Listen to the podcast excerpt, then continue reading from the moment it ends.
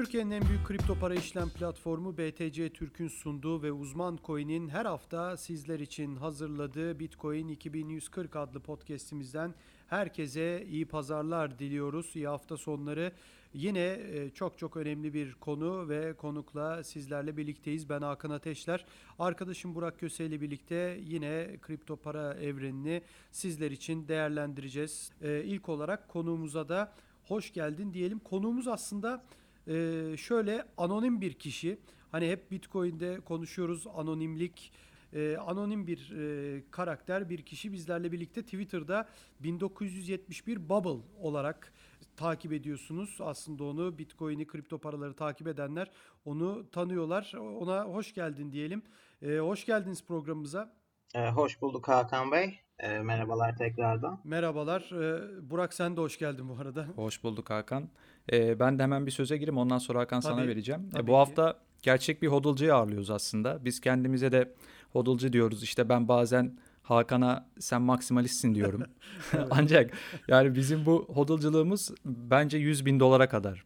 Yani 100 bin dolardan sonrası Tabii. için kendimden çok emin değilim. Ya şey bizimki böyle halı sahada top oynayan birinin kendisine futbolcu demesi gibi aslında şimdi gerçek bir futbolcuyla beraberiz gibi yani örnek Evet evet olursak. yani bence bu bölümün sonunda biz de ilelebet bir hodlcu olabiliriz Hakan. Tabii tabii olabilir. Ee, Zaten aslında olmak istediğimiz şey bu ama kendimize çok güvenmiyoruz onu da belirtelim. Hemen istiyorsanız konuya girelim. Şimdi 1971 Bubble. İstiyorsanız e, şimdi şuradan başlayalım. E, Ben genellikle Twitter hesabınızı e, kontrol ettiğimde hep bir İngilizce tweet serisi görüyorum. Hep İngilizce tweetler atıyorsunuz. Ekonomiyi yakından takip ediyorsunuz. Ee, ilk olarak buradan başlayalım. Biraz kendinizden bahsedin istiyorsanız. Ekonomiyle olan bağınız nerede oluştu? Biraz buradan başlayalım. Oradan yavaş yavaş zaten dünyanın şu anki durumuna Bitcoin'e geçeriz. Tamam öyle yapalım. Yani şimdi anonimlikle ilgili ba- e, konuşmak istiyorum ilk başta da. Tabii. Şimdi e, ben maksimalist diye sınıflandırılabilirim ama aynı zamanda pleb olarak geçmek istiyorum.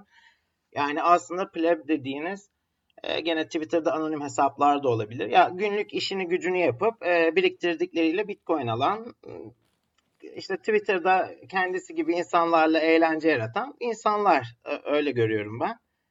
E, bunda da anonim kalmak bence hayatı pleb olmayı daha kolaylaştırıyor. Kendini çok önemsemiyorsun çünkü o zaman.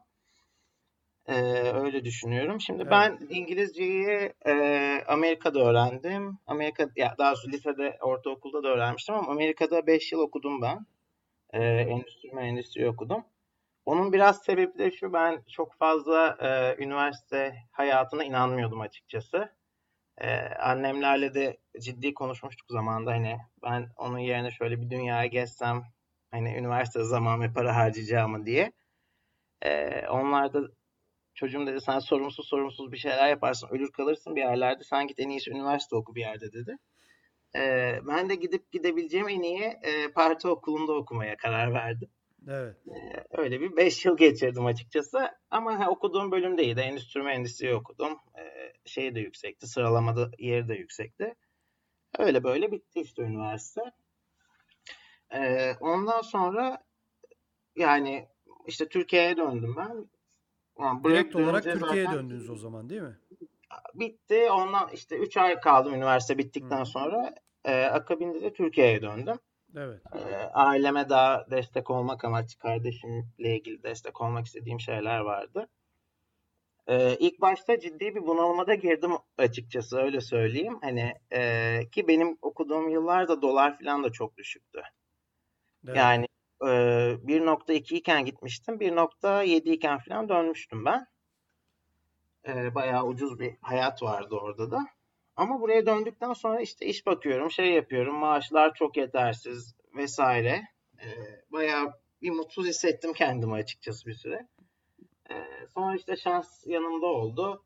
Hani kendi işimi yapmaya başladım. Daha doğrusu birisinin yanında 3 ay çalıştım. Ondan sonra e, idare ettiği firmayı bana devretti. E, bir 9,5 yılda e, onunla uğraştım. Yani şans yanımdaydı bir yerde. E, Alman bir firmanın Türkiye'de temsilciliğini yaptım. Ağır sanayi üzerine çalışan bir firmanın.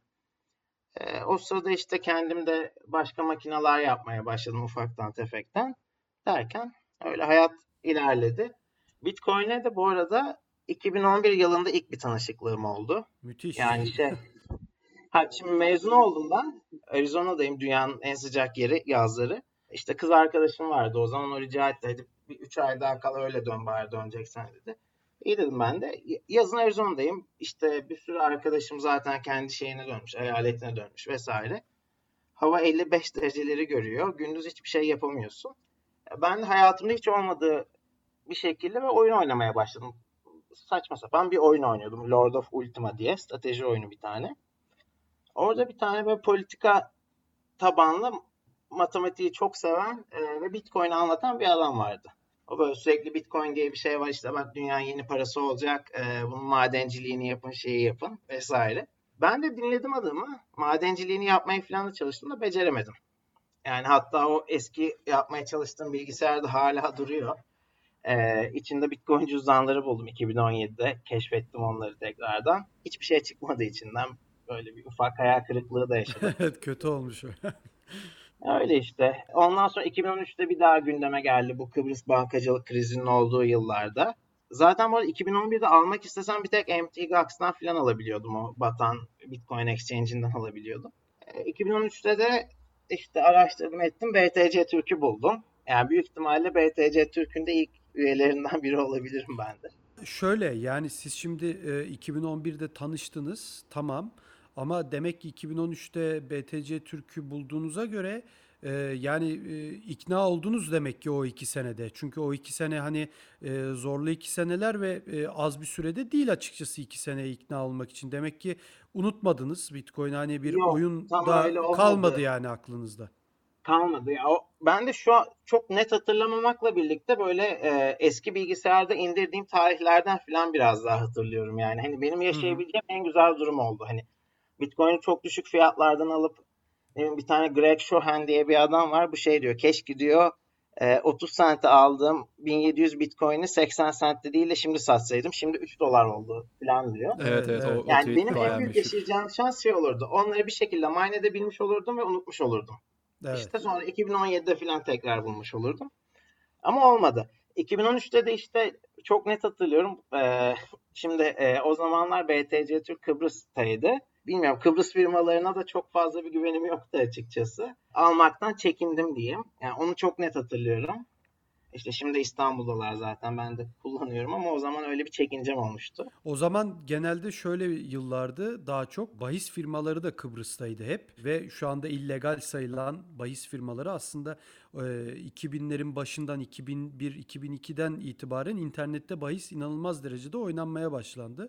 E, o hep Türkiye için Türkiye üzerinde hep Kıbrıs'tan yapılıyordu. Kıbrıs hesaplarına gönderiliyordu. Ben çok oynadığım için o dönemler 2012'lerde de öyleydi ve bazı hani yüklü kazançlarda para alınamama durumlarının hikayelerini dinliyorduk biz Kıbrıs'la ilgili. Hani çok ciddi maçları tutturmuşlar, para kazanmışlar ve e, alamamışlar paralarını açıkçası. Bunun hikayeleri vardı. Belki sizin yani güvenmeme Kıbrıs'la ilgili durumunuz oradan da olabilir. Yani bende de vardı o açıkçası. Bit, Bitcoin'den e, farklı olarak. Ya bende hiç öyle bahis şey yoktu da yani hani araştırmayı seven bir adamım ben.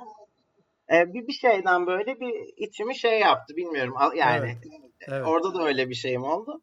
E, sonunda artık 2017'nin böyle başları gibi falan anca ilk Bitcoin alımını yaptım. Valla 4 yıldır da işte düzenli devam ediyor Bitcoin'le olan hayatım diyebilirim. Ama tabii bende de şeyler oldu. Hani 2017'nin işte Mart'ı gibi ilk almaya başladım. İşte Ethereum alındı, Gnosis diye bir şey alındı, o alındı, bu alındı, bir sürü bir şey aldım. Ama benim bir şansım şu oldu. 2018 Ocak ayında Ripple'ın eski CEO'su olan Chris Andersen miydi? Adımını yanlış söyleyebilirim de. Chris Larson. E, Chris Larsen'in 17,5 milyar Ripple'ı vardı. Ve e, Ripple 3 dolara çıktığında adam 50 küsür milyar dolarla Amerika'nın en zengin 5. adamı olmuştu. Böyle Google, Sergey Brin'leri falan geçmişti. Ya dedim burada bir sorun var dedim. Ben bütün yani her türlü shitcoin diye e, söylediğimiz her şeyimi sattım o zaman. Çok da güzel zamandan sattım ve Bitcoin'e döndüm. Bir tek EOS'umu tutmuştum işte zamanında vesaire. Yani maksimalist yolculuğum o haberle başladı benim açıkçası. Hani burada çok ciddi bir balon var. Hiçbir e, amacı olmayan şeyler saçma sapan değerlere çıkıyor. ondan sonra 2018 yılının Mart'ında da bir tane konferansa gittim. Bu Blockstack'in düzenlediği bir konferanstı. Ona da gitmemin sebeplerinden biri şeydi. Nick Szabo vardı konuşmacılardan. Ee, Nick Evet. Szabo'nun bütün yazılarını okudum. İşte paranın tarihiyle o Shelling Out diye bir makalesi var işte nasıl zamanda deniz kabuklarının para olarak kullanıldığı ile ilgili çok güzel bir makalesi var. Onu okudum. Ee, işte oraya gittiğimde de Elizabeth Stark'ı gördüm orada. Ee, Lightning'den bahsediyordu. O zaman Lightning'le tanıştım. Ve yani e, bilmiyorum o, o gün herhalde benim şey yolculuğumdur. E, maksimalistliğe yolculuğumdu. Nick Szabo'ya da hediye verdim. Çok e, bilmiyorum mutlu olmuştum hediyeyi verirken. Deniz kabuğu hediye Evet evet ben de onu soracaktım size. Aynen deniz kabukları hediye ettim Nick Szabo'ya. Çünkü o makaleye ithafen öyle değişik bir şeyde yaşamıştık. O gün bugündür de komünitede aktif bir şekilde hani ufak tefek kendimce yapabildiğim projelere destek olarak hayatımı sürdürüyorum.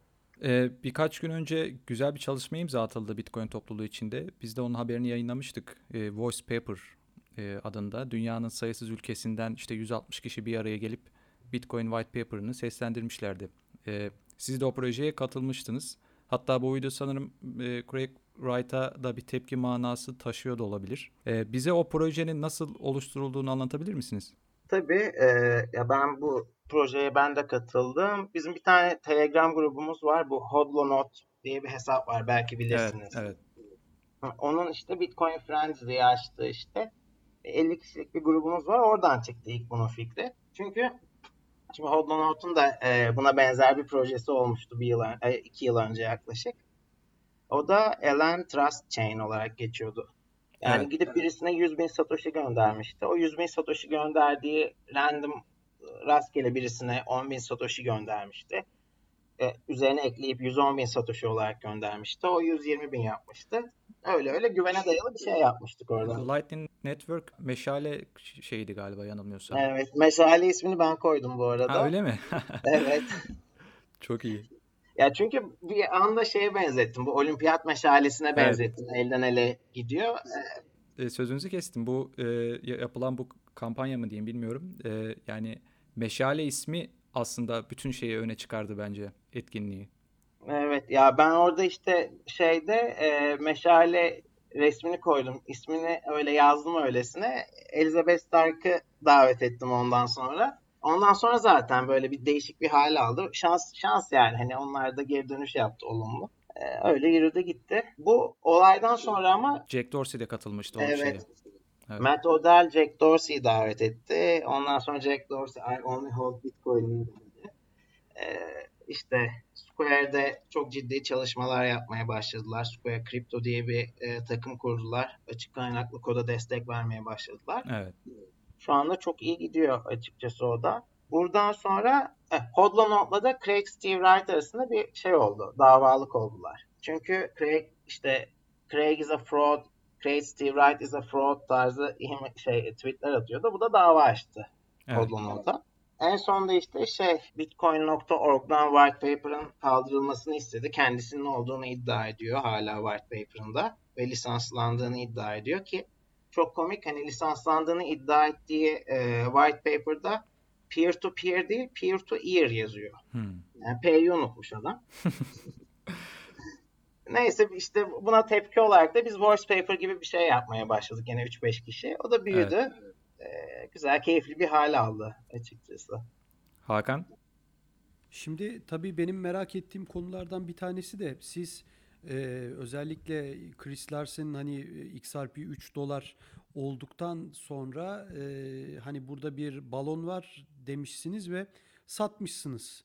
İşte EOS'u tutmuşsunuz. Ben burada şunu merak ediyorum. Mesela aynı düşünceyi niye Bitcoin için e, düşünmediniz? Yani o düşünce sahip olmadınız. Yani burada bir balon var yükselmişken ben Bitcoin'imi de satayım, onu da satayım, hepsini satayım diye de düşünebilirdiniz. Yani Bitcoin'i niye tuttunuz? Hani EOS'u da belki tuttunuz ama Bitcoin özelinde ben sormak istiyorum. Ya şöyle söyleyeyim bir zaten hani o başlangıçtaki conviction hani inancım ve şeyim o kadar fazla olmadığı için elimde çok böyle e, saçma ötesi miktarlarda şey yoktu. Yani me- mesela Cardano'ya 2 sentten girip e, bir küsur dolarlara satmışlığım vardı ve onunla gidip Bitcoin almışlığım vardı. Yani onlar böyle şeydi benim için. Biraz havadan para gibiydi ve Bitcoin'in ya şey olması çok ayrıydı. O kendi özgürleştiriyor gerçekten. O hissin olması çok ayrı bir duygu. E, çünkü hiçbir üçüncü partiye bağlı kalmadan sen bir işlem yapabiliyorsun. Evet, tabii. E, ve ben elimde her zaman böyle bir şeyin bir kenarda olması gerektiğini düşündüğüm için en mantıklısı olarak da Bitcoin'i gördüğüm için ondan tuttum açıkçası. Evet, anladım. Peki e, o zaman tam anlamıyla bir maksimalist değildiniz herhalde. Değildim. Ama Evet. yani böyle e, gene nispeten her şeye rağmen hızlı bir dönüş yaptım maksimalistliğe. 2018'in Mart'ından sonra başladı benim için şey. Çünkü benim EOS tutma sebeplerimden birisi de şeydi, e, işlem hızının yüksek olmasıydı. Yani mesela Ethereum'a falan hiçbir zaman inanmadım. Sadece ciddi bir network efekti var ama iş yapamıyorsun Ethereum'un üstünde istedikten sonra. Yani e, conflict of interest dedikleri bir şey var. E, hani yaptırmak istediğine bir sürü işlem yapılması merkezsiz olarak. E, ama gas fee diye bir şey var orada. O onu önlüyor. Yani burada bir çıkar çatışmaları yaşanan bir saçma bir ağ benim gözümde o mesela. Yani EOS'un da bin bir türlü ayrı sorunu var. E, ama işlem sayısını fazla tutabiliyordu o zamanlar diye tuttum onu da. Ama sonra zaten Lightning Network geldi, Liquid geliyor. E, RGB diye şimdi akıllı kontratların yapılabileceği ayrı bir platform geliyor. Yani Bitcoin zaten hepsini üzerine alıyor bir şekilde. Başka bir şeye de gerek kalmıyor bir yerde. Şunu da sormamız lazım. O zaman siz yani bir bu anlamda bir maksimalistсeniz e, gerçekten hiç e, altcoin'lere de bakmıyorsunuz. Fiyatlara da yani Bitcoin fiyatına da bakmıyorsunuz. E, tamamen bunun bir ileride dünya parası olacağına mı inanıyorsunuz öyle diyelim? Yani rezerv paranın bunun üzerine inşa edileceğine inanıyorum. Ya alt e, bölen tarafında Bitcoin olacağını düşünüyorum ben biraz. Ya aslında şimdi tabii bu e, buradaki fikrinizi de merak ediyorum sizin.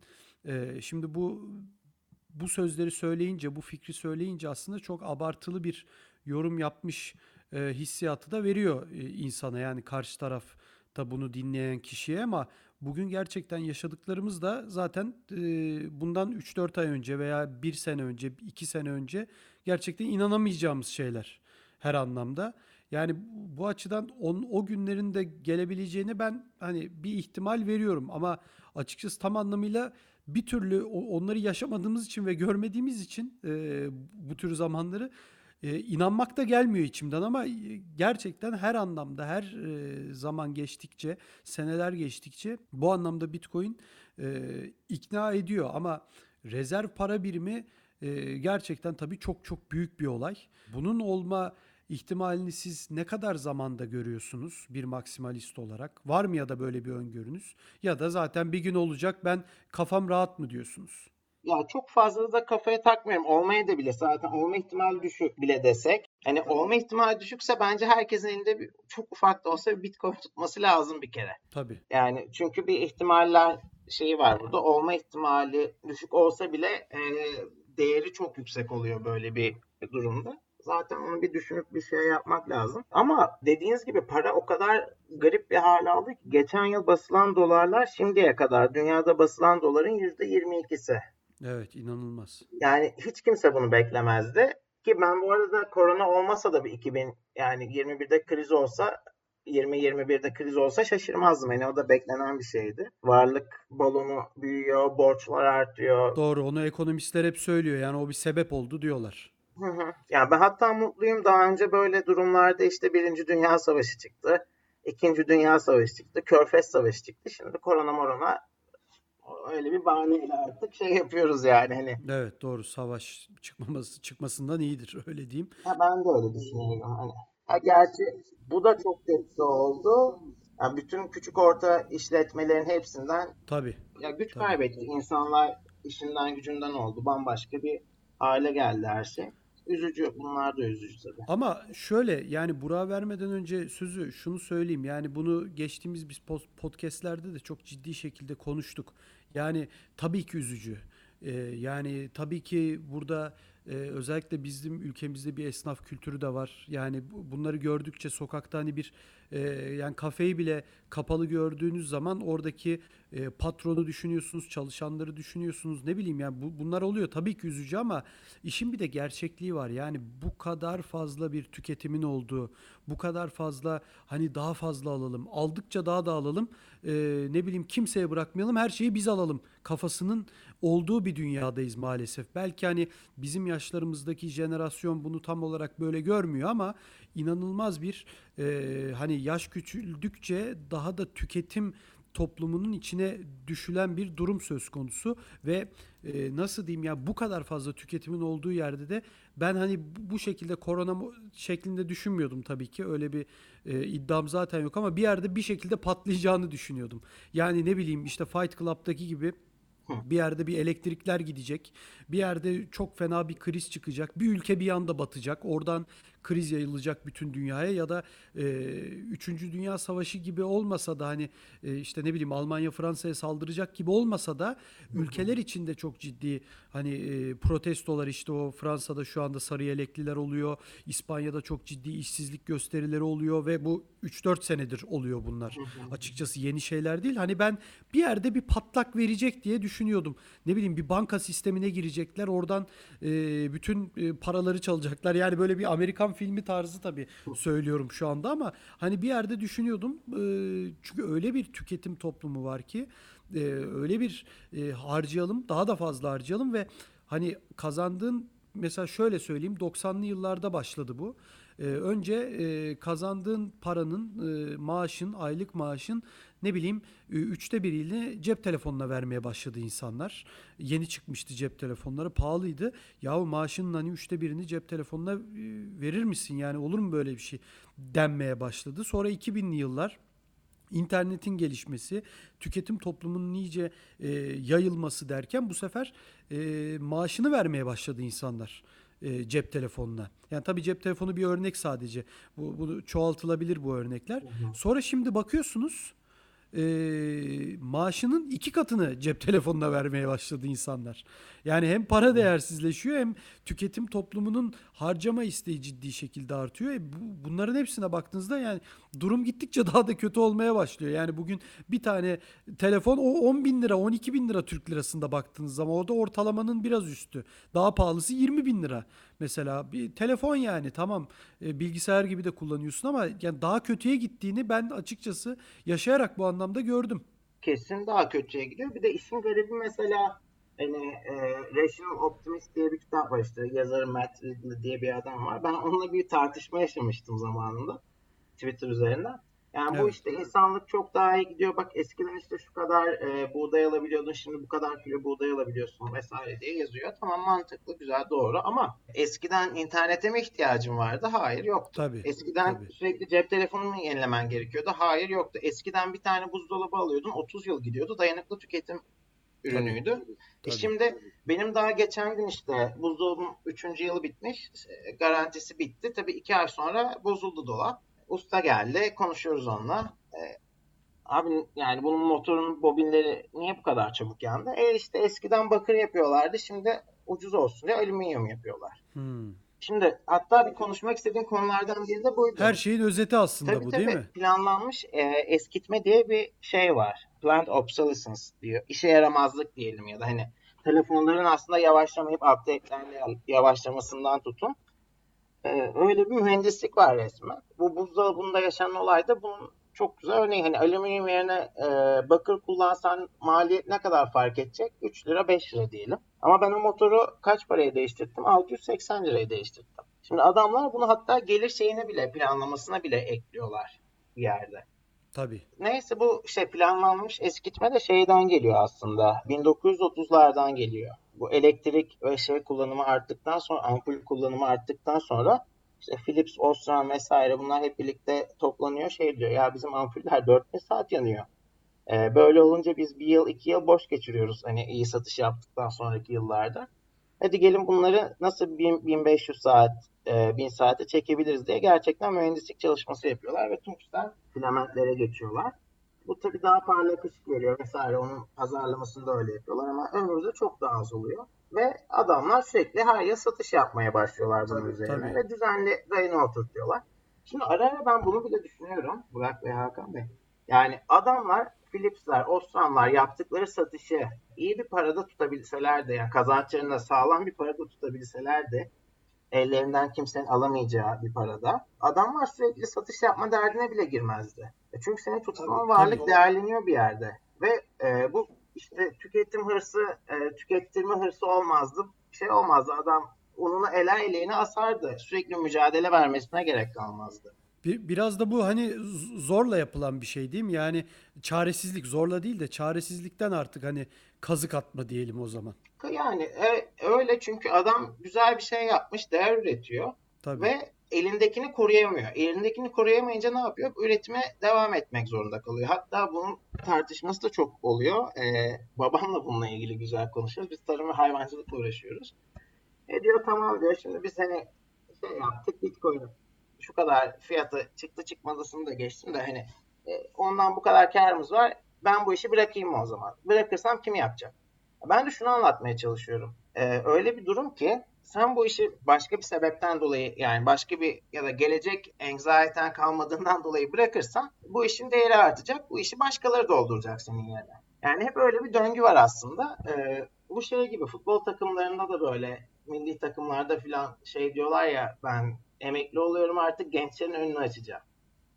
Tabii. Biraz da o oluyor yani. Şu an hala 60-65 yaşında insanlar işini kurmaya çalışıyor. Çünkü neden? Hiçbir şey biriktirememiş. Ya da biriktirdiğinin değeri gitmiş.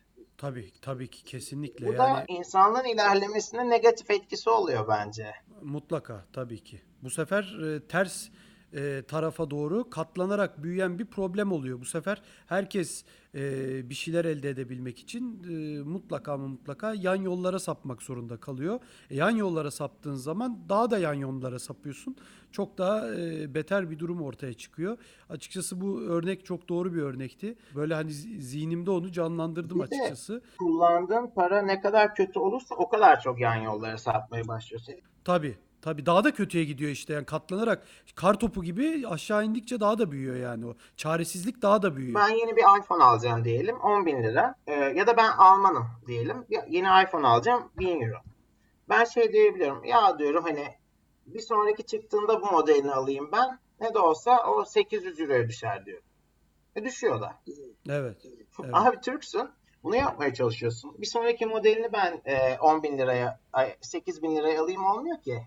Kur bir değişiyor. Sen onu 12 bin liraya almış oluyorsun.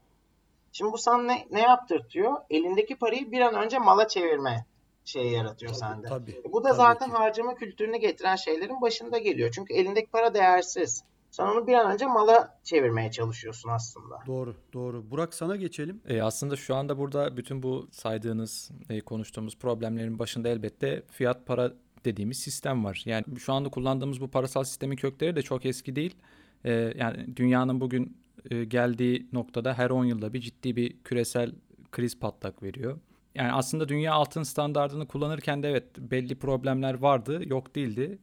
Devletlerin işte para arzında biraz ayarı kaçırdığı dönemler yine yaşandı o, o, o sıralarda ama bugün o dönemlerle kıyaslanamayacak şekilde bambaşka bir noktadayız. Bitcoin bize bu fiyat para sisteminden kurtulmayı vaat ediyor açıkçası. Yani buradan kurtulduğumuzda dünya daha iyi bir yer mi olacak sizce? aslında ya fiyat para sistemi bir deney bence. 50. yıl bu yılda. Evet. 1971'den beri diyebiliriz yani. E, ve bence çalışmayan bir deney. 50 yıl iyi gitti tabii. E, çünkü şöyle bir şey oldu. 1971 aslında yılı e, altın standardının Bretton Woods'da yapılan Hı altın standardının kaldırıldığı yıldı. Şimdi şöyle düşünürsek hani 2. Dünya Savaşı bitiyor. Baby Boomer jenerasyonu dediğimiz e, hani işte insanlar savaştan dönüyor. Çoluk çocuğunu yapıyor ve ciddi bir çocuk patlaması oluyor o yıllarda 1940'larda. Ee, bunların da ortalaması 1946 civarı diyorlar. Hani Baby Boomer'ın or- ortalama doğum yılı. 1971'de bunların 25 yaşlarına geldi. Artık hayata atılacakları, harcama yapacakları, aile kuracakları yıllara denk geliyor. E şimdi çok ciddi bir çocuk patlaması var ama ekonomi aynı verimlilikte gitmiyor e, Amerika'da. E, büyüyemiyor e, ve insanlar harcama yapmak istiyor. Burada para basmak durumunda kaldı Nixon zamanında. Evet. E, ve işte zamanında bir ounce altına 32 dolar alabiliyordu. Onu arttırmaya başladı yavaş yavaş. Yani şey dedi artık dedi 37 dolar olacak dedi. 39 olacak dedi. 43 dedi. Böyle arttırmaya başladı. Bugün 2000 dolar. E Bugün aynen 1800 dolar yani bir ounce altın. Şimdi Amerika o zaman rezerv para birimiydi ve kabul edilmiş bir rezerv para birimi. Hani İtalya'da e, altınlarını Amerika'da tutardı. Onun karşılığında dolar alırdı. Fransa'da onu yapardı. Şeyde yapardı. E, adamların parası erimeye başlayınca yani altınına karşı daha fazla dolar üretmeye başlayınca Amerika şey dedi adamlar. Arkadaş sen bana altını geri yolla al şu işe yaramaz doların dedi. E, böylece altın standartından çıkmış oldu dünya. Bitcoin buna bir çözüm olarak sunuluyor. Yani olabileceği düşünülüyor deniyor. Altın neden olamadı buna bir çözüm? Bir onu konuşmakta fayda var bence. Evet. Ya altın çünkü aslında rezerv para olarak yani bozulamaz bir para, kimyasal özellikleri değişmez, arzı belli yılda işte şimdiye kadar çıkanın yüzde bir buçuğu kadarı e, çıkıyor gibi güzel özellikleri var ama altını taşıması çok zor ve koruması çok zor. Ve daha da önemlisi bence altını verifiye edemiyorsun. Yani şimdi Türkiye Cumhuriyeti Merkez Bankası diyor bende 300 altın var. Kim bunu adam akıllı denetleyebiliyor? Gerçekten altın mı kimse bilemiyor. Ee, Bitcoin'in en büyük özelliklerinden biri de sen public key'ini paylaşarak ve imzalayarak aslında senin ne kadarının olduğunu söyleyebiliyorsun. Yani söylemek istemediğinde söylemezsin o ayrı konu ama minimumunu söyleyebiliyorsun istediğin durumda. Ve gerçekten onun Bitcoin olduğu biliniyor. Çünkü nodlar tarafından onaylanmış olması lazım. Ee, öyle bir durum var ve taşıması da çok kolay. Bir de şunu ekleme yapayım. Yani altında şimdi fiyat yükseldiği zaman Hı hı. şirketler daha çok altın çıkarmaya yöneliyorlar. Bu alana daha çok yatırım yapıyorlar. Sen bugün Bitcoin'e daha çok yatırım yaparsan daha çok Bitcoin çıkaramazsın. Zaten geçtiğimiz aylarda mesela e, Rusya'da büyük bir işte altın rezervi bulunduğu haberleri ortaya çıkmaya başladı. Yani altında bir problem de bu aslında. Tabii. Yani Bitcoin'in hatta en önemli özelliklerinden biri e, her ortalama iki haftada bir olan zorluk seviyesinin değişmesi deniyor. Hı hı. Yani zorluk de- seviyesinin değişmesi de şu, sonuçta belli bir matematik problemi çözmen lazım senin yeni blok üretmek için. Eğer daha fazla miner işleme katılırsa işçi problemi gibi düşünebilirsiniz yani hani 10 işçi varsa 10 birimlik iş yapacaksa işte işçi başına bir birim yapması lazım. Evet. Gene 10 iş var. Bu sefer 11 işçi olursa e, o iş daha hızlı daha, daha hızlı yapılıyor. Böylece birim başına çıkan Bitcoin miktarı artıyor. Bunu dengelemek için de 2 haftada bir zorluk derecesi değişiyor. O 10 iş 11 işe çıkıyor gibi düşünebiliriz. Bu da işte altındaki yaşanan madenciliğin arttırılması sorununu çözüyor bir yerde. Şu anda mesela aklıma gelmişken sorayım. Mesela bizim aslında bu sorunun cevabını az çok biliyoruz ama dinleyicilerimiz de öğrensinler diye soruyorum. Bizim podcast'imizin is- ismi Bitcoin 2140. 2140'da ne olacak? İşte tahminler 2140'a kadar 21 milyon sınırına tamamen ulaşılacak. Tüm Bitcoin'ler çıkarılmış olacak. Yani bundan sonra ne olacak? Bir de böyle bir soru var. Buna bir cevap işte madencilerin işlem ücretlerinden kazanmaya devam edeceği ve bunun yine karlı olacağı, e, teşvikin böyle sağlanacağı. Siz 2140'tan sonra sizce burada bir belirsizlik var mı? Ya bu arada 2140 olmayabilir o. Daha Yani işte biraz az erkene de çekilebilir evet. Evet çünkü zorluk dereceleri şimdi zorluk ilk başta miner'ların hash rate'i belli oluyor sonra şey hesaplanıyor. Ee, zorluk derecesi değişiyor. 2140'ın önünde bitebilir bu yani. Ee, onun haricinde bence e, majör değişiklikler de yaşayabiliriz. 2140 o kadar uzaktık yani şu an biz hani önümüzdeki yılı göremiyoruz ama Evet. hani diyelim ki kuantum bilgisayarlar oldu ve SHA-256'yı bir şekilde e, brute force yapıp kırabiliyorlar. E burada bir algoritma değişikliğine gidilecek. Yani daha farklı, daha zor, kırılması daha zor, hiçbir anlamı olmayan bir şey yapılacak. Yani şu an gene SHA-256'yı kırmaya çalışabilirsin ama attığın taş vurduğun kuşa değmiyor. E, gene o, o tarz bir algoritma değişikliği olur. Ama ben şöyle düşünüyorum. Belki bu algoritma değişikliği yapıldığında, şimdi algoritma değişikliği yapıldığında sen aslında coinlerini yeni adrese taşıman lazım. Yoksa eski algoritmada kalıyor ve gene SHA-256'yı kıran birisi kırabiliyor. Belki bu yeni algoritma değişikliğinde kayıp olan coinleri mine edip e, aynı zamanda Hı hı. da mining yapacağın bir algoritma olur. Yani hiç o kadar çok büyük bilinmezlik var ki ki bence bu olacak. Bilmiyorum bu ne zaman olur, ne zaman şey yapılır ama Kayıp coinleri alabileceğiz yani. ya aynen. Aslında hiçbir zaman coinler kaybolmuyor. E tabii evet doğru. ulaşamıyoruz sadece. Ee, ama onlar sonuçta F, işte eliptik curve'ün içinde bir yerlerde 3 tane yani şey saklı yani sonuçta.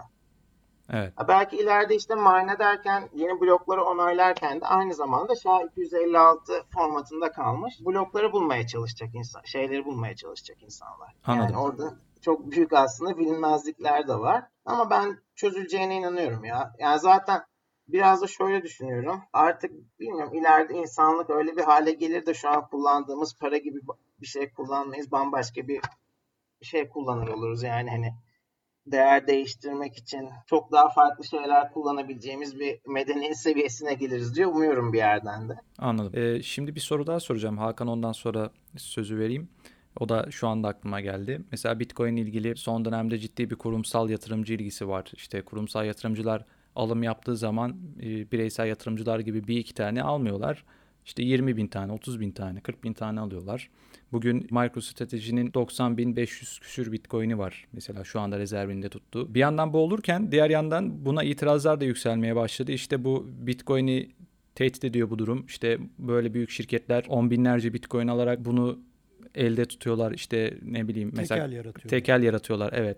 E, Grayscale işte o zaten Grayscale kendi müşterileri adına tutuyor ama bugün %3'ten fazla arzın %3'ünden fazlasını tutuyor. Bu bir problem mi sizce? Bence problem. Yani problem dediğim ben böyle olmasını tercih etmezdim açıkçası. Hani Grayscale müşterisi adına tutuyor ama Grayscale satış yapmıyor ki hiçbir zaman mesela. Evet. Yani müşterisi hani Grayscale şeylerini satınca Grayscale satış yapmıyor. Onun Evet. yerine farklı enstrümanlar kullanarak şeyini dengelemeye çalışıyor. Ya hatta ciddi anlamda e, Amerika'nın da buna izin verdiğini ve istediğini düşünmeye başladım. Kesinlikle. Son zamanlarda. Ayrıca ekleme Yani yapayım. E, Amerika'da en son 69 bin Bitcoin ele geçirmişlerdi yine şeyden Silk Road'un Bitcoin'lerinden. Onda da mesela şu anda elinde 70 bine yakın Bitcoin var ve henüz onu da satmadılar açık artırmayla. Ya bir de şöyle hani işte PayPal mesela e, PayPal sisteminden Bitcoin'i çıkaramıyorsun. Ya bence Amerika regüle rahat regüle edebileceği entitelere Bitcoin alma fırsatı yaratıyor bir şekilde. Ben öyle görüyorum. Benim içimden yani merkez bankaları da almasın. Onun yerine insanlar alsın yani. Her zaman istediğim o. E, Ama bir yerde de Bitcoin is for enemies diyorlar. Hani kimin aldığına karışamıyorsun, kimin ne kadar tutabildiğine karışamıyorsun Evet. bir yerde. İşte bu Amerika bu kadar şey izin verirken Çin Merkez Bankası da ciddi alım yapıyor olabilir. E, Başka bir şey de olabilir ve bunu hiçbir zaman da bilemiyoruz açıkçası kolay kolay. Bilmiyorum ama çok hoşuma gitmiyor yani. Bence insanlarda kalsa daha iyi olur Bitcoin'ler. Ben her zaman self custody şeyim zaten hani Taraftarıyım. anahtar sende değilse o coin de sende değildir kafasındayım ben biraz daha. Anladım. Ondan bilmiyorum çok bayıldığım bir şey değil. Hakan? Ee, Ben şunu sormak istiyorum. Ee, Mesela Bitcoin ilk çıktığı dönemlerde, çıkarıldığı dönemlerde işte Satoshi Nakamoto bir grupta olabilir, bir kişi de olabilir ama acaba e, bugünleri bu kıtlığı düşünerek mi bunu yaptılar E, yoksa sizce tamamen hani e, bir peer to peer gönderelim, üçüncü tarafı dışarı çıkaralım ile sınırlı mıydı yoksa? Yani bu şekilde dünyanın ekonomik gidişatını bir nevi düzeltecek bir para mıydı hedef Ee, yoksa ona evrildi mi açıkçası? Ya biraz şey gibi geliyor bu bana hani e, düşününce hani Satoshi Nakamoto gelecekten gelip mi bunu yaptı yoksa şey mi gibi hani. Tabii. Ya çünkü o kadar saçma şeyler oldu ki hani düşününce hani yayınlanma tarihinden tutun e, böyle bir şeyin tutması bile zaten başlı başına binlerce kez denerse bir kere olabilecek bir şey belki. Çünkü çok küçük bir grupla başladı, bayağı yayıldı. Ondan sonra ya zamanında şey bile oldu. Bu WikiLeaks şey yaptığında Bitcoin'le e, bağış almaya başladığında Holfini şey dedi. Arkadaşlar hani buna hazır mıyız bilmiyorum daha dedi mesela Evet, en evet. basitinden. Ee, ama öyle böyle bir şekilde her girdiği savaştan da şey çıktı. Çünkü bunun sebebini ben şey olarak görüyorum. Bitcoin aslında çok basit bir şey. Yani çok basit bir şey dediğim e, aslında bir teşvik mekanizması. Herkes için de teşviği farklı. Madencisi için farklı. Not çalıştıranı için farklı. Tutanı için farklı. Hadi Swift'te giremediği için kullananı için farklı. Ee, ve sadece bu teşvik mekanizmasını kullanarak 10 dakikada bir blok üretmeye çalışan bir yazılım sonuçta. Bir yerde de şöyle bir şey var. Şimdi bir yerde çok consistent, volatil falan diyor, deniyor Bitcoin'e de bence dünyadaki en volatil olmayan şey şu an. O kadar belli ki 10 dakikada bir 6.25 Bitcoin'i alıyorsun yeni ortalama. O kadar yani. Hani volatil değil. Fiyatlanması volatil. E çünkü price discovery periyodunu tamamlayamadı daha. Ben bunu hep şeye benzetiyorum böyle. Ne bileyim zamanında işte İpek yolundasın. Ee, bir tane tüccar geliyor. Klasik işte sana şeylerini çıkarıyor. Baharatlarını çıkarıyor, ipeğini çıkarıyor, veriyor, satıyor. Onun fiyatları belli zaten. Hani sürekli bir alışveriş oluyor onun. Bir de adam şey çıkarıyor. E, pusula çıkarıyor. E, bunu kaça alırsın? Bilmiyorsun ki. Yani daha hiç daha önce görmemişsin. Ne işe yarayacağını bilmiyorsun. Gerçekten sana bir değer sağlayıp sağlamayacağını bilmiyorsun. Tüccarın getirdiği yerde çok fazla var mı yok mu onu bilmiyorsun. Yani oradaki maliyeti bedavaya mı aldı adam bunu gerçekten paramı verip aldı bilmiyorsun. Bu zamanla öğreniliyor pusulanın değeri de. Bitcoin şu an o aşamada bence. Yine tabii şu an şeyi fark ettim. Tam soruya cevap vermedim ama yani Satoshi Nakamoto sonuçta çok multidisipliner bir kişi veya bir gruptu. Tarih konusunda da iyi çalışmıştı bence dersin. Tarihteki parayla ilgili bütün sorunları çok iyi incelemişler ve buna nasıl bir çözüm şey yaparsak alternatif üretebiliriz düşünüp Bitcoin'i yarattıkları için bilmiyorum bu sorunlara çözüm olabileceğini de düşünüyorum açıkçası. Yani, yani ben onu planlayarak yaptıklarını da düşünüyorum. Yani. Ben o fikirdeyim. Yani e, tabii çok e, sınırlı ve kısıtlı yani birkaç belgesel e, izleyip e, sadece tarihle ilgili, ekonomi tarihiyle ilgili daha çok bazı e, sınırlı bilgilere sahip olarak bunu düşünüyorum aslında. Ama ben de böyle düşünüyorum. Çünkü yani bunun bu şekilde evrilmiş olması gibi bir tesadüfe çok bilmiyorum mantığımda yer veremiyorum. Yani bunların planlanarak biraz önce söylediğiniz gibi yani e, tarihinden tutun da yapılan hazırlıklar, onun öncesindeki yani seçimler ne bileyim seçim derken şu yani Nakamoto'nun aslında kendini bir e, anonim kişi olarak tercih etmesi de aslında bu işin yakın geçmişinde yaşanan sorunları zannediyorum 90'lı yıllarda öyle bir bir kişi varmış e, bir para çıkaran değil mi Amerikalı. Daha sonra işte Amerikan Anayasası'nı çiğnemekten dolayı zannediyorum iki müebbetle falan yargılanmıştı. Adamı galiba sonra serbest bırakmışlardı. Ee, yani paranın bir bölümü gümüşe, bir bölümü altına, bir bölümü dolara gibi kağıtta para var. Dijital parası da var. Yani 98-99 yılında zannediyorum. İsmini unuttum şimdi. Hani o adamın başına gelenlerin kendi başına gelmemesi için kendini anonim bırakması bir kere e, geçmişe yönelik yaşanan olaylara kayıtsız kalmadığının bir göstergesi. Tabii bir tek bir olay bu. Yani onu söylemek lazım ama e, yani bu kadar başarılı bir projenin de ben hani buraya kadar gelmesi ve adım adım yani halvingler sonrası yaşananlar, fiyat artışları işte yani bundan 3-4 ay öncesinde e, hadi biraz daha geriye gidelim. 7-8 ay öncesinde bu fiyat nasıl diyeyim bu fiyat tahminleri yapıldığında kimse inanmıyordu. Yani bir daha 20 bin doları geçerse işte 30 binden bir daha düşer şu olur bu olur. Ee, yani gerçekten söylenenler oluyor. Bugün 100 bin dediğinizde kimseye imkansız gelmiyor. Yani fiyata takılı kalmak da istemiyorum ama hani fiyatı örnek vermemin sebebi imkansız denen her şey başarıldı, oldu. Onu söylemek lazım. Yani bunu söylemek istiyorum. Tamamen açıkçası e, bu anlamda hani biraz da dışarıdan bakan, biraz da sınırlı bilgiye sahip olan biri olarak bunu aslında söylüyorum. Dışarıdan hani baktığınızda hep imkansızı başarıyor. Biraz önce siz söylediniz yani bu kaybettiği savaş yok açıkçası.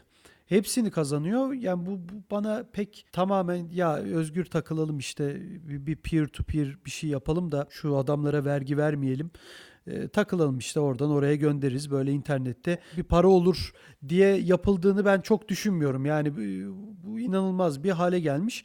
Öyle düşünülüyor olsa bile daha sonra bunun buralara geleceğini de o adamlar tahmin ederler.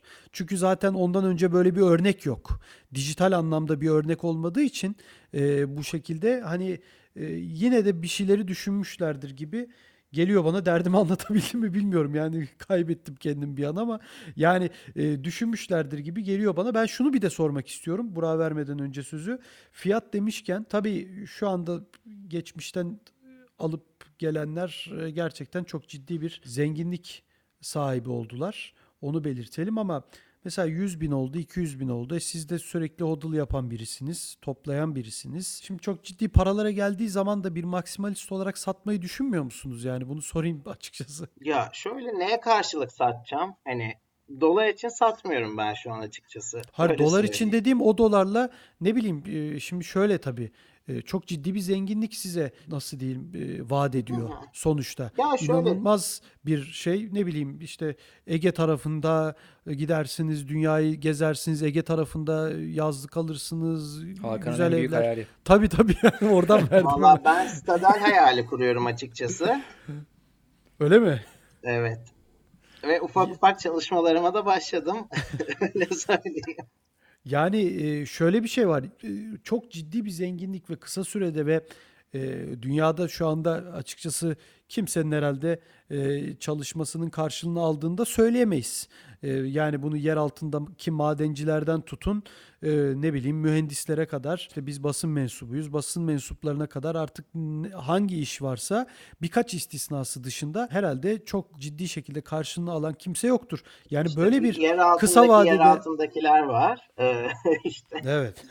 o kadar yani. Yok Yani gerçekten. şunu hani çok ciddi bir zenginlik bahşettiği için tabii ki dolar karşılığında dolarda tutmak belki mantıksız olabilir ama o dolarla gidip de çok ciddi başka zenginlikler alındığı zaman hani insanın ne bileyim içinde o duyguyu hissediyordur yani o ego diyebilirsiniz başka bir Ama şey paraya diyebilirsiniz. bakışını da değiştiriyor biraz hani şey olarak ya hani ben e, gerçekten böyle gidip bir şeyler alırken çok zorlanıyorum şu an. Evet.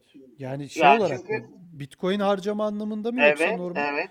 Ha, tamam ona ona bir sözüm yok ama belirli bir seviyeyi geçtikten sonra da ne bileyim hani o soru hep sorulur gibi geliyor içinde insan. Ben mesela şey yapıyorum. DCA'yı de sürekli yaparım hani param oldukça. Da yok şu an öyle param da. Ben fakirim bayağı bu arada şu an öyle söyleyebilirim size. Çünkü hiç dokunmadığım bir kısım e, para var benim için yok gibi şu an o. Ve şey yani hani günlük harcamalarımı yapıyorum. Nakit avansı, nakit avansımı kullanıyorum. Ay sonunda işte ufak tefek bir şey bozularak şey yapıyorum. Öbür ay gene param geliyor. Tekrar e, Bitcoin'imi alıyorum. Ben öyle yaşıyorum hayatımı. Ve şey çok fazla bir şey alma hevesim de yok açıkçası ya. Hani ben biraz daha şey istiyorum. Dünyadaki en büyük lüksün zaman olduğunu görüyorsun bir kere. Hani Öyle orası kesin tabii ki. ya ben Orası biraz kesin. daha kafa yormak istiyorum, düşünmek istiyorum. Kendimce bir şeyler yaratmak istiyorsun yani. Bunun için bir şey almaya çok fazla ihtiyacın yok hani. Ne bileyim hiç araba hevesim yok, şey hevesim yok. Değişik yani bilmiyorum.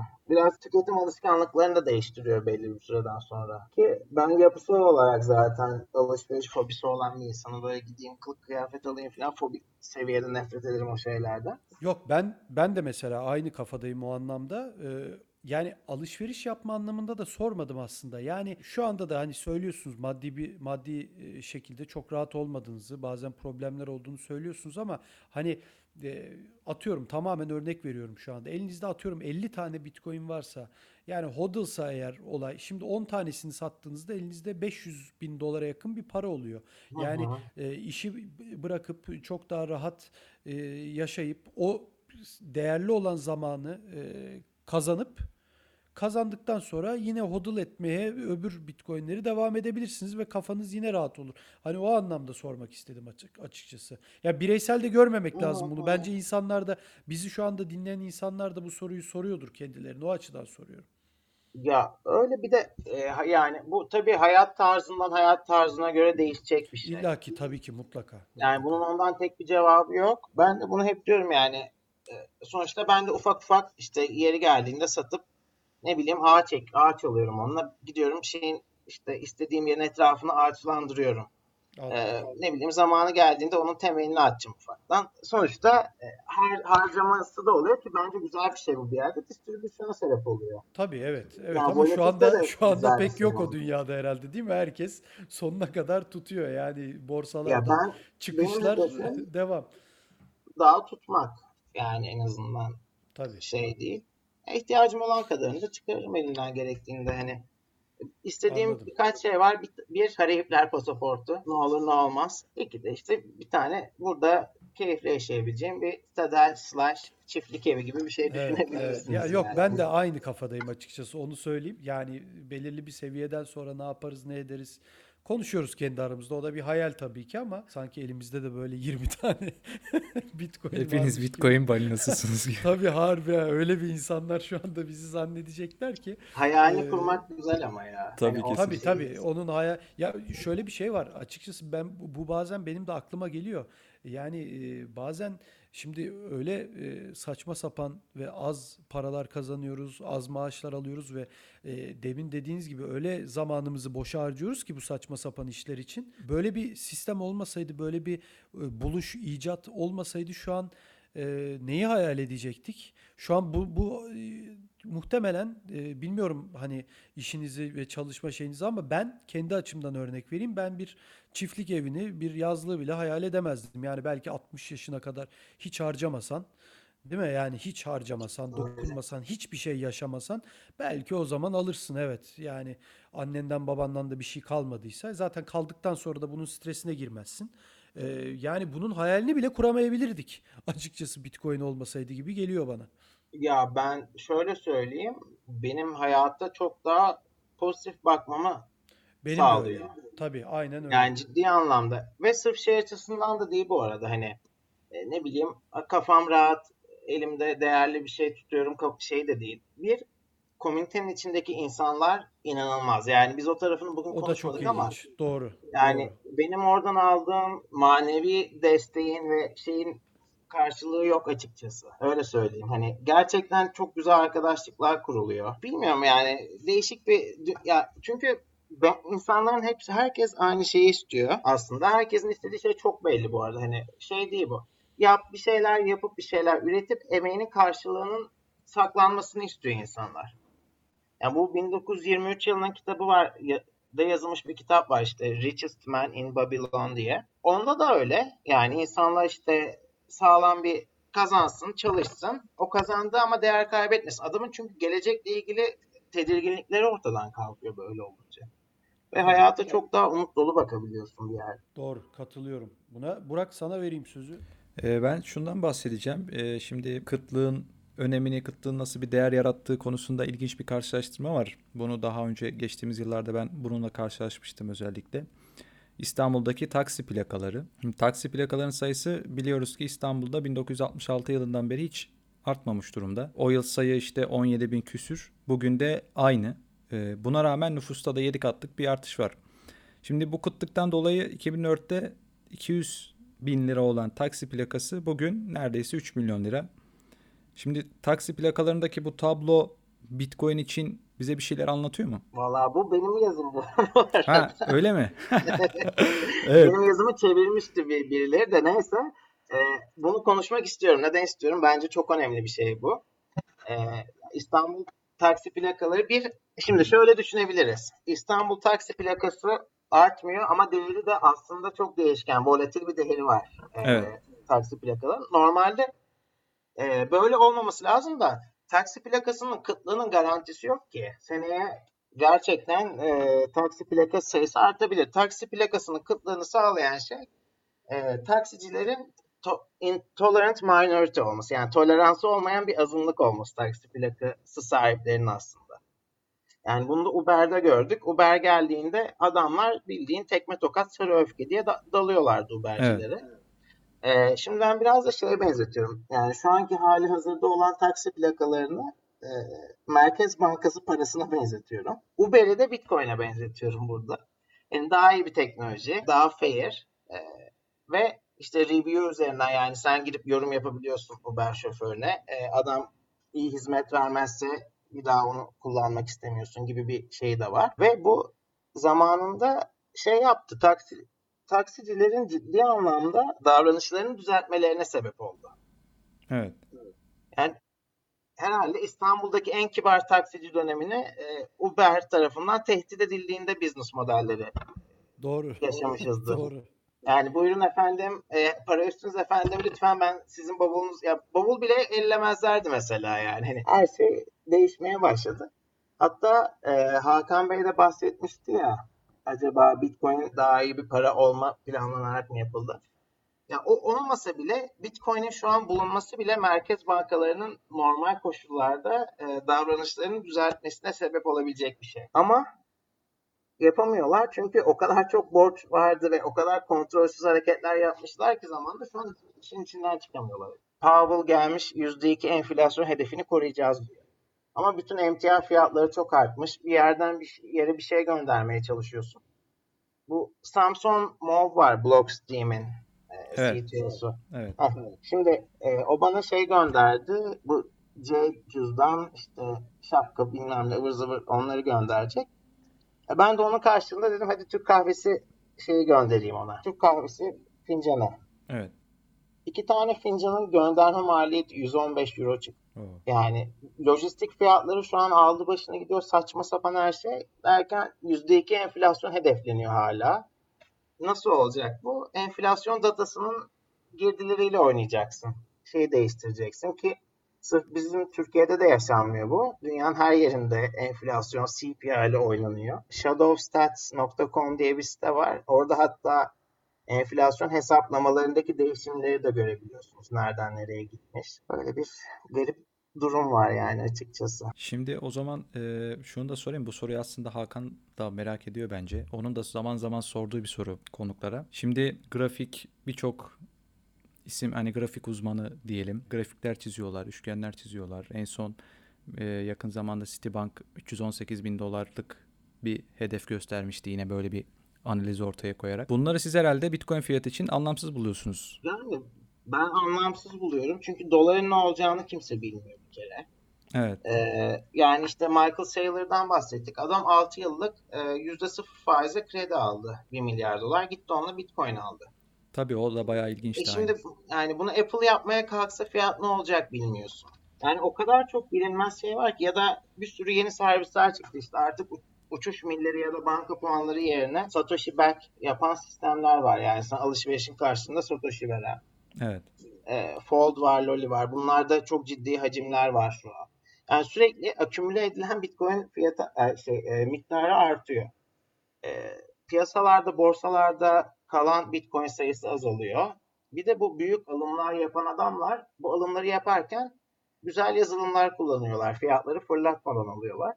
Retail girince fiyatlar da fırlıyor. O kadar büyük bir bilinmezlik var ki yani hani bir buçuk milyon Bitcoin kalacak piyasada ciddi anlamda bir retail yani her işte insan akımı olduğunda fiyatlar nereye gider o kadar bilmiyorum öngörmek bana şey geliyor. Tabii siz e, e, bir buçuk milyon Bitcoin dediniz tüm platformlar için. Aklıma direkt şu geldi. Geçtiğimiz aylarda yanılmıyorsam ya Ocak ayında olması lazım ya da Aralık ayında. Hollandalı bir tane Bitcoin platformu var. İsmini hatırlayayım. Ha, Bitonic olması lazım. Bitonic.com. Belki siz de görmüşsünüzdür. Bitcoin böyle platformda normalde 300 Bitcoin, 400 Bitcoin oluyor o an böyle alınabilecek şekilde. Bir anda sıfırlandı mesela o Bitcoin fiyatı yükseldiği zaman. İşte bunları öngörmek çok şey. Hatta geçen gün şey bu Peter Brandt diye bir adam var. Bu teknik Evet. analiz. Onunla bir- birkaç kere kapışmışlığım var benim. Mart ayında şey diyordu o Bitcoin 1000 doları görecek. Yani ben de şey diyorum her zaman bu biraz böyle ya ben şeyde çok inanmıyorum da şimdi bir de onlar çıktı. Şey on-chain al- Ay yok yok fal Ha. fal şeyleri. Astrologlara falan da evet, çok evet, inanıyorum. Ya ben teknik Doğru. analiz astrolojiden %50 daha tutar diyordum. Çünkü astrolojinin tutma ihtimali %50. E şimdi bir de astrolog şeyler çıktı. Finansal astrologlar falan Evet, çıktı. evet. Yani neyse iyice komik geliyor bana. Şey diyor mesela bu kırmızı göz muhabbeti var ya lazer gözler. Evet. Yani o çok geyik olarak başlamış ve aslında network efekti gösteren bir şey. Başka da bir şey değil yani. E diyor bu çok çocukça diyor. İnsanların ciddiye alması için bunları yapmayın diyor. Bana da çocukça gelen teknik analiz aslında. Çünkü bir yerde self-fulfilling prophecy yani kendi kendini doğrulayan bir hareket yaratmaya çalışıyorsun. Çok egosentrik ve çocukça bir şey aslında. Öyle dü- düşünüyorum açıkçası. Anladım. Hakan sorun var mı? Yani ben e, ikisinin de çocukça olduğunu düşünüyorum. Yani lazer olayını da biraz öyle düşünüyorum. Yani Bence Koca de çocukça koca- bu arada. E, Yani şöyle yani çocukça olması kötü mü? Ya orada bir yorum yapamıyorum. Yani e, tabii ki kötü değil. Yani illaki çocukça olduğu zaman e, o o projenin ciddiyetsiz bir proje olduğu veya o adamın e, işte ne bileyim böyle beceriksiz, e, gayri ciddi, tembel bir adam olduğu anlamına gelmez. Hatta tam tersi de olabilir. E, iyi niyetli bir insan olduğu anlamına da gelebilir ama hani bu kadar ekonomiler tartışıyoruz, konuşuyoruz. İşte tarihten bahsediyoruz. Savaşlar, kıtlık hem olumlu anlamda hem olumsuz anlamda kıtlık falan diyoruz. Sonra bir bakıyorsunuz hani gidip o milyarlarca dolarlık bitcoin alanlar böyle bir lazer gözü falan yapıyorlar. Yani e, hani sen zaten hani şirketin için büyük bir riske girdin aslında şu anda bile o bitcoinleri alarak. Tamam belki iyi bir şey yaptığını da düşünüyor olabilirsin. Ama ne bileyim bana bir garip geliyor açıkçası. Hani belki onlar için garip gelmiyordur. Hani çok tabii sübjektif bir e, durum. Ama bana garip geliyor. Yani o adamların koca koca adamların böyle lazerler falan koymaları işte 100 bin olacak. Hani oyun değil ki bu. Çocuk oyuncağı değil ki. Hani o açıdan hani böyle bir ciddiyetsizlik. Yani insanların e, halkların Bitcoin'e karşı böyle bir ciddiyetsiz bakış açısına sahip olmasına sebep oluyorlarmış gibi bir intiba yarattı bende. Bu böyledir demiyorum ama sanki bu adamların böyle çocukça davranışları yüzünden insanlar Bitcoin'e ya işte falan filan gibi bakıyorlar diye düşünüyorum. Ama tabii tam tersi de olabilir. Sadece böyle bir intiba oluşmuştu bende onu söyleyeyim. Ya ben katılıyorum o intiba oluşma hikayesine ee, ki oluşması da normal yani gerçekten 3-5 e, tabii, bence de başlattığı ve e, yani öyle böyle Elon Musk'a kadar giden bir şey oldu yine. Ama ya, zaten şey ya hani Bitcoin'i gerçekten mar- marketing yok bir yerde. Mimler, şeyler böyle saçma sapan hikayeler bunlar götürüyor bir yerde. İşte bunlar... evet götürüyor yani bunların götürmesi de bir garip. Yani daha ne bileyim ya bilmiyorum şimdi böyle ciddi deyince ne anlaşılıyor bilmiyorum ama hani daha böyle hayata dair şeylerle yapılabilir. Elon Musk'ın da yaptığı yani o kadar Tesla e, tabii CEO'lar, S&P 500 CEO'ları konuşuyorlardır, ediyorlardır bütün bu şeyleri. Adam hani Dogecoin falan diyor orada şey paylaşıyor. Yani işte o meme dediğimiz şeyleri paylaşıyor. Ne bileyim yani koca bilmiyorum yani koca adamsın orada kaç milyar dolarlık adamsın. Hani e, bir e, bu manipülasyona şimdi ne bileyim sen gerçekten Dogecoin'e inanmıyorsundur yani Elon Musk olarak. Niye inanasın yani? Bu, bu yaptığına dolayısıyla ne gerek var gibi geliyor bana e, insanlara bunu bu şillemek çünkü şillemek bu başka bir şey değil bence. Yani niye inanasın Dogecoin'e sen Elon Musk olarak? Dogecoin gibi gereksiz ve e, kendisinin gereksiz olduğunu söyleyen bir projeye inan, inanıp da e, bunu yapması çünkü gerçekten inanıyorsan zaten bu şekilde yapmazdın. Ee, bilmiyorum bana garip geliyor ama hani bu da yeni dünyanın düzeni açıkçası onu da söylemek lazım. Tamamen reklam, tamamen iş dünyasında hepimiz görmüşüzdür. Bir sürü beceriksiz adamın e, etrafımızda sırf kendini iyi pazarladığı için bazı noktalara gelebildiğini görebildiğimiz bir dünyadayız şu anda. Sadece pazarlamadan dolayı yani. E, bu da çok ilginç. Mesela ürettiği hiçbir şey yok adamın.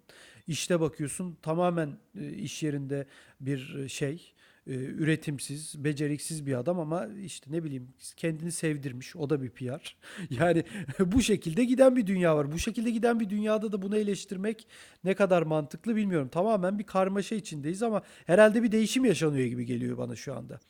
Bir evreden bir evreye geçiyoruz. Biz de onun arasında e, kafamızda soru işaretleri var gibi geliyor bana. E tabii GameStop bile bu değişimin tabii, en tabii. büyük şeylerinden Doğru. biriydi yani. Hani Doğru. düşününce e, tabii. çok garip bir zamandı o. Hiç... Evet, evet. Ya o, onu demek istedim zaten. Aklıma gelmemişti. O bile çok net yani hiçbir şey yokken değer kazandılar falan. Benim son, son sözüm bu kadar. Burak senin söyleyeceğin bir şey var mı ya da sormak istediğin bir şey? Benim yok şu anda ama eklemek istediğiniz bir şey varsa dinlemek isteriz tabii ki. Tabii tabii biz yine alalım e, 1971 Bubble'dan bir e, son söz alalım biz yine de bir maksimalist olarak. Yani e, serbest bir, market, serbest tabii, pazar çok güzel bir şey. Tabii. Ve yani e, gerçek serbest pazarda e, hak eden değerini buluyor. Ya benim dediğim Bitcoin'de mesela serbest pazarda savaşmaktan son derece çekinmeyen bir yapıda bir, bir para birimi. Çünkü şey diyoruz hep hani Bitcoin don't care diyorlar. Bu işte bal porsuğuna benzetiyorlar. Gerçekten de öyle bir doğası var. Yani yapması gerekeni yapıyor. Ee, ve her enstrüman onun karşısında bir yerde pozisyon alıyor. Bu da serbest markette aslında çok pozisyon değiştirmenin de bir sürü zararları var. Uzun vadede işte fiyat para birimleri, bond marketleri hepsi bir yerde zarar görüyor kendince. En basitinden işte GameStop olayında olduğu gibi hedge fonlar hazırsız, hazırlıksız yakalandı. Onu önlem almak için Robinhood'da trade'i yasakladılar. Ee, onun başka yansımaları oldu. İnsanlar gerçekten paralarının kendi sahip, yani şeyin hissinin sahibinin kendisi olmadığını anladı bir sürü insan. E, gibi gibi. Doğru, doğru. Ben de katılıyorum sonuna kadar. Çok teşekkür ediyoruz. Ben Ağzınıza teşekkür sağlık. ederim. Gerçekten çok güzel, e, çok basit ve kafa açıcı o programlar hani hep diyoruz ya Burak hani bazı konuklar Evet. geldiğinde bütün konuklarımız bizim için değerli de bazı programlar yani spontane bir biçimde e, çok daha net, çok daha kafa açıcı oluyor. Bu da o podcastlerden bir tanesiydi gerçekten. Yeniden teşekkür ederiz. E, sağ olun tekrardan katılımınız için diyelim. Programımızı da sonlandırabiliriz. Türkiye'nin en büyük kripto para işlem platformu BTC Türk'ün sunduğu ve Uzman Coin'in her hafta sizler için hazırladığı Bitcoin 2140 adlı podcast'imizden bu haftada bizden bu kadar diyelim. Gelecek hafta görüşmek dileğiyle hoşçakalın.